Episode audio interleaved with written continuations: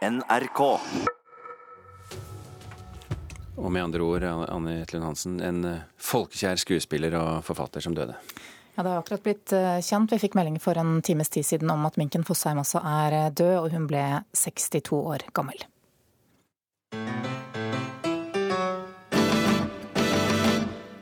Musikk til frokost, musikk til kvelds, musikk ved havet, musikk til fjells.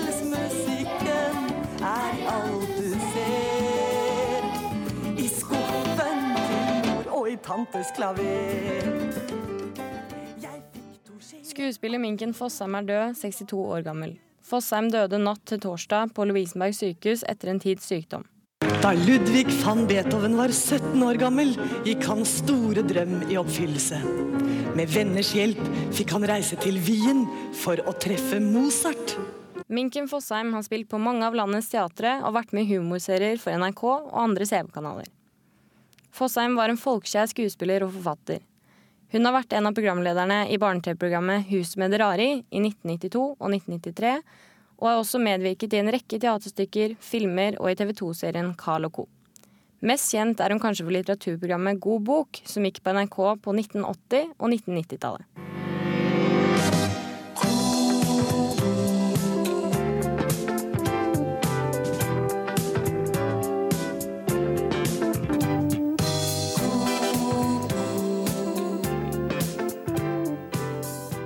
De siste årene har ikke Fossheim vært like mye å se i TV-ruta, da hun i stedet har jobbet som barnebokforfatter og drevet med ulike musikalske prosjekter. Blant annet barneplater om kjente komponister, som sørget for fire Spellemannsnominasjoner. Hun etterlater seg en ektemann og to sønner. Ja, Det sa reporter Kaja Marie Andreassen. Mode Steinkjer, kulturredaktør i Dagsavisen, eh, velkommen til Nyhetsmorgen. Takk. Minken Fossheim var altså en svært allsidig kunstner, som vi hører her. Mange husker henne som skuespiller, men hun har jo også gitt ut både bøker og plater og vært programleder. Hva er det du husker best av det hun har gjort? Eh, akkurat som vi hørte her, så husker jeg humoren og engasjementet hun hadde. Hun var en helt fantastisk formidler eh, av eh, kultur, kunst, litteratur, musikk. Spesielt retta mot barn, men også mot voksne. Og jeg tror det som gjorde henne helt spesiell i denne rollen, var jo at hun hadde nettopp den tyngden fra både Teaterhøgskolen fra å ha spilt de tunge klassikerne i bl.a. Fjernsynsteatret her i NRK, som gjorde at hun, hun, kunne ta barn og kultur på alvor og kombinere det til en helt unik blanding. Mm, for er der hun startet som seriøs skuespiller? Det er det man husker henne først som, som seriøs skuespiller. Hun spilte Ibsen, hun spilte de store klassikerne, i, spesielt i Fjernsynsteatret, men etter hvert også da på andre teaterscener i Oslo. Ehm, men mer og mer så ble hun jo da den som Det som gjorde henne folkekjær, eh, virkelig. Eh, da en, en skuespiller og en formidler og en programleder ehm, i, i TV-ruta. Ehm, med bøker, litteratur, eh, barne-TV, ikke minst. 'Huset med det rare i'. Eh, og etter hvert da også disse CD-ene, eh, spesielt med, med eventyret om Mozart. Og det ble vel seks ytterligere klassiske komponister som hun greide da å formidle til barn.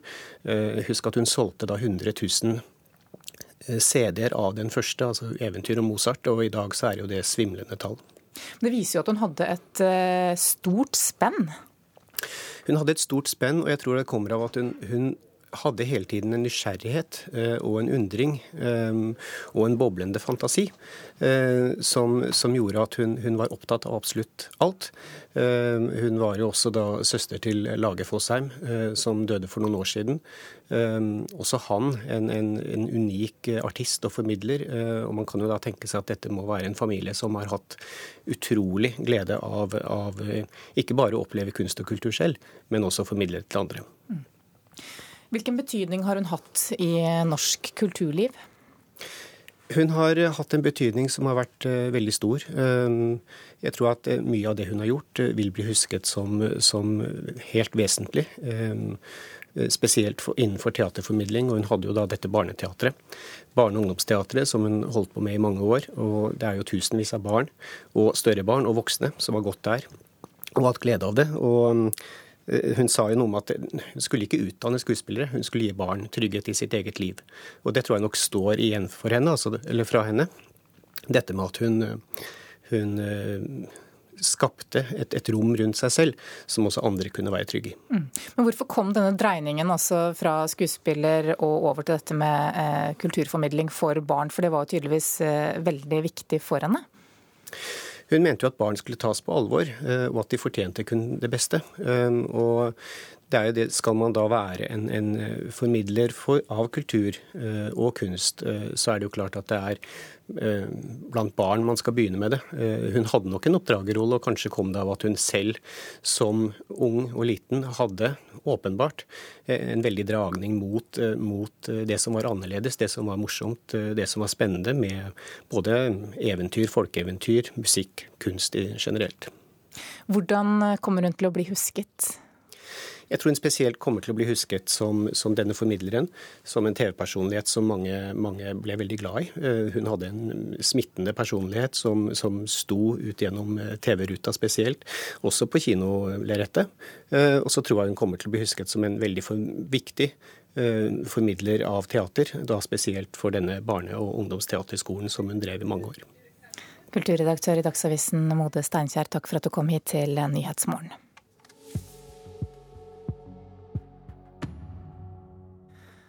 Skal vi skifte tema her. Har du en slags plikt til å ha sex med kjæresten din dersom dere har vært sammen en stund? Det er ett av temaene ungdomsserien Blank her i NRK tar opp.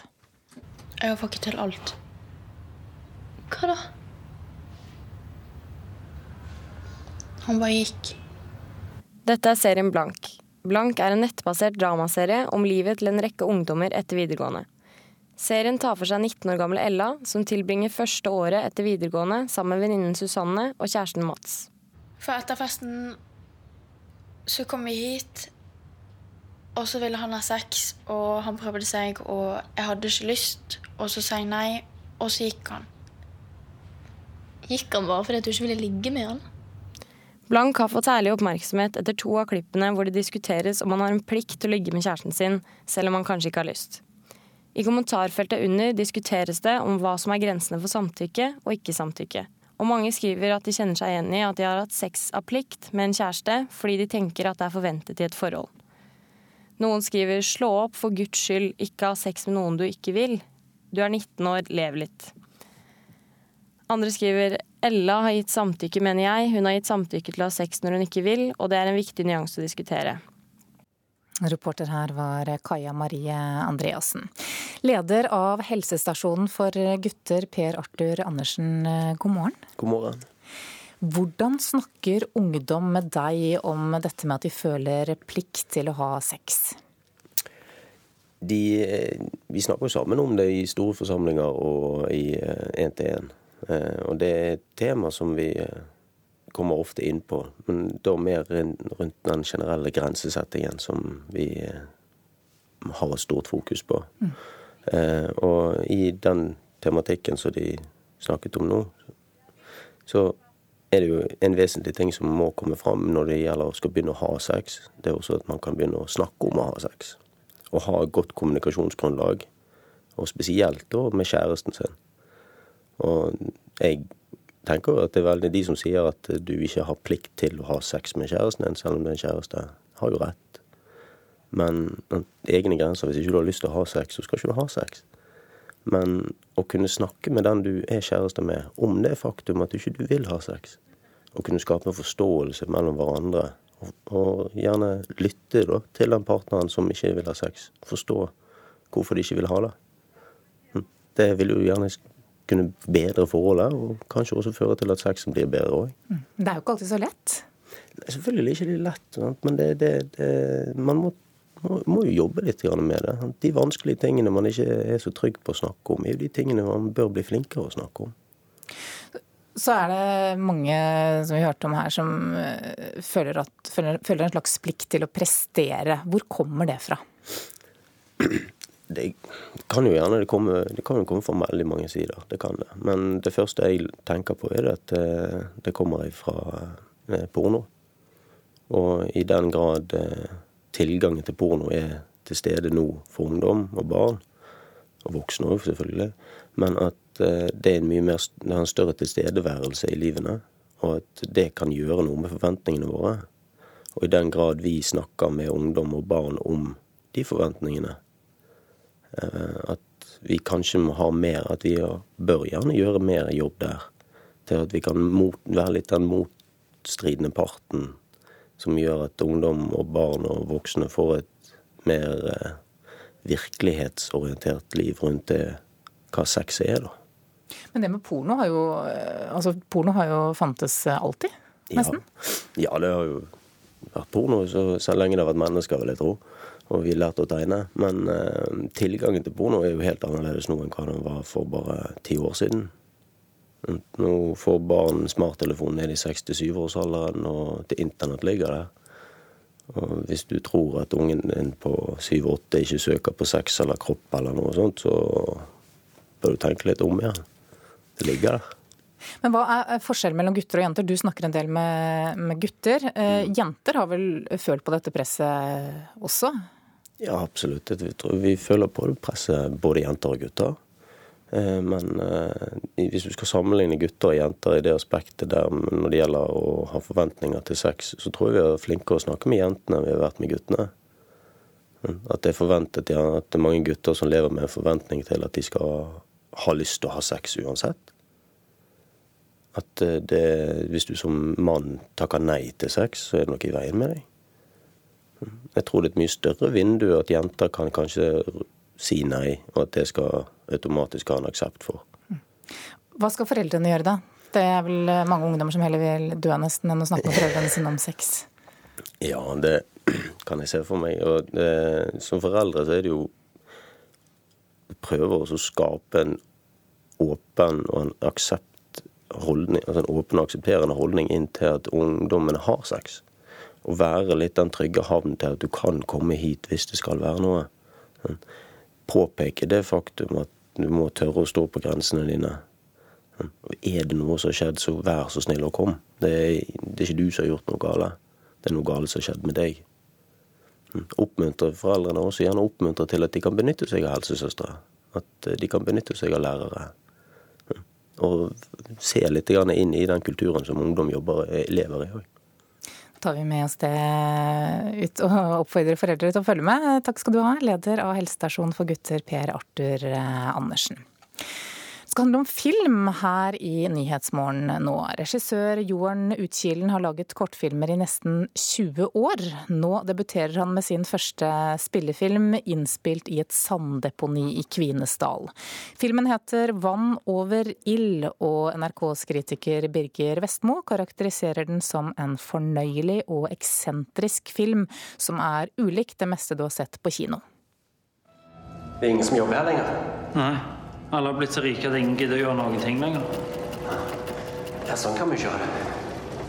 Regissør Jørn Utkilen har utmerka seg med flere originale og merksnodige kortfilmer som Who's My Favorite Girl, Asyl og Jord over vind. Når han nå debuterer med sin første spillefilm, er det som forventa at den er sær, vittig, absurd og ulikt det meste du har sett på kino. Vann over ild er inspirert av westernsjangeren, men har et visuelt uttrykk som definitivt er særegent, bl.a. med mopeder og campingvogner i stedet for hest og kjerre.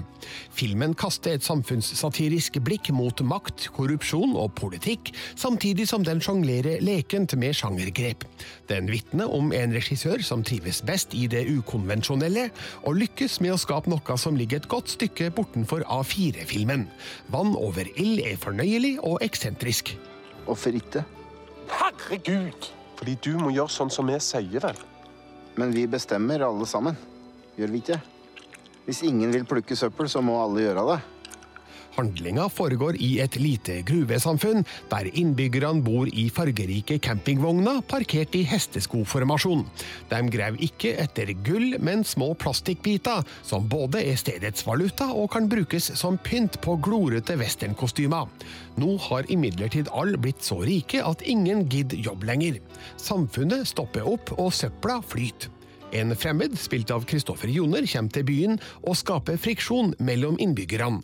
Samtidig planlegger tre karer og en tilreisende eksotisk danser å frigjøre en uskyldig fengsla dame, noe som forårsaker et aldri så lite opprør mot stedets maktelite. Når jeg ser på deg, så tenker jeg Det er akkurat som det er noe som mangler i livet ditt. Og jeg, jeg er en sånn fyr som vil hjelpe. Jørn Utkilen forteller en historie om pengejag, maktovergrep og hvilke prinsipper man er villig til å ofre i jakten på materielle verdier. I hans spesielle univers resulterer det i flere komiske opptrinn, der sjøl død og fordervelse har humoristiske tilsnitt. Det hele ender med et oppgjør som er inspirert av utallige westernfilmer, men siden det her er en Jørn Utkilen-film, er forløpet sjølsagt forholdsvis utradisjonelt. Vann over ild er et friskt forsøk på å lage noe annerledes, og Utkilen lykkes med sin morsomme dialog, skrudde figurer og pussige detaljer.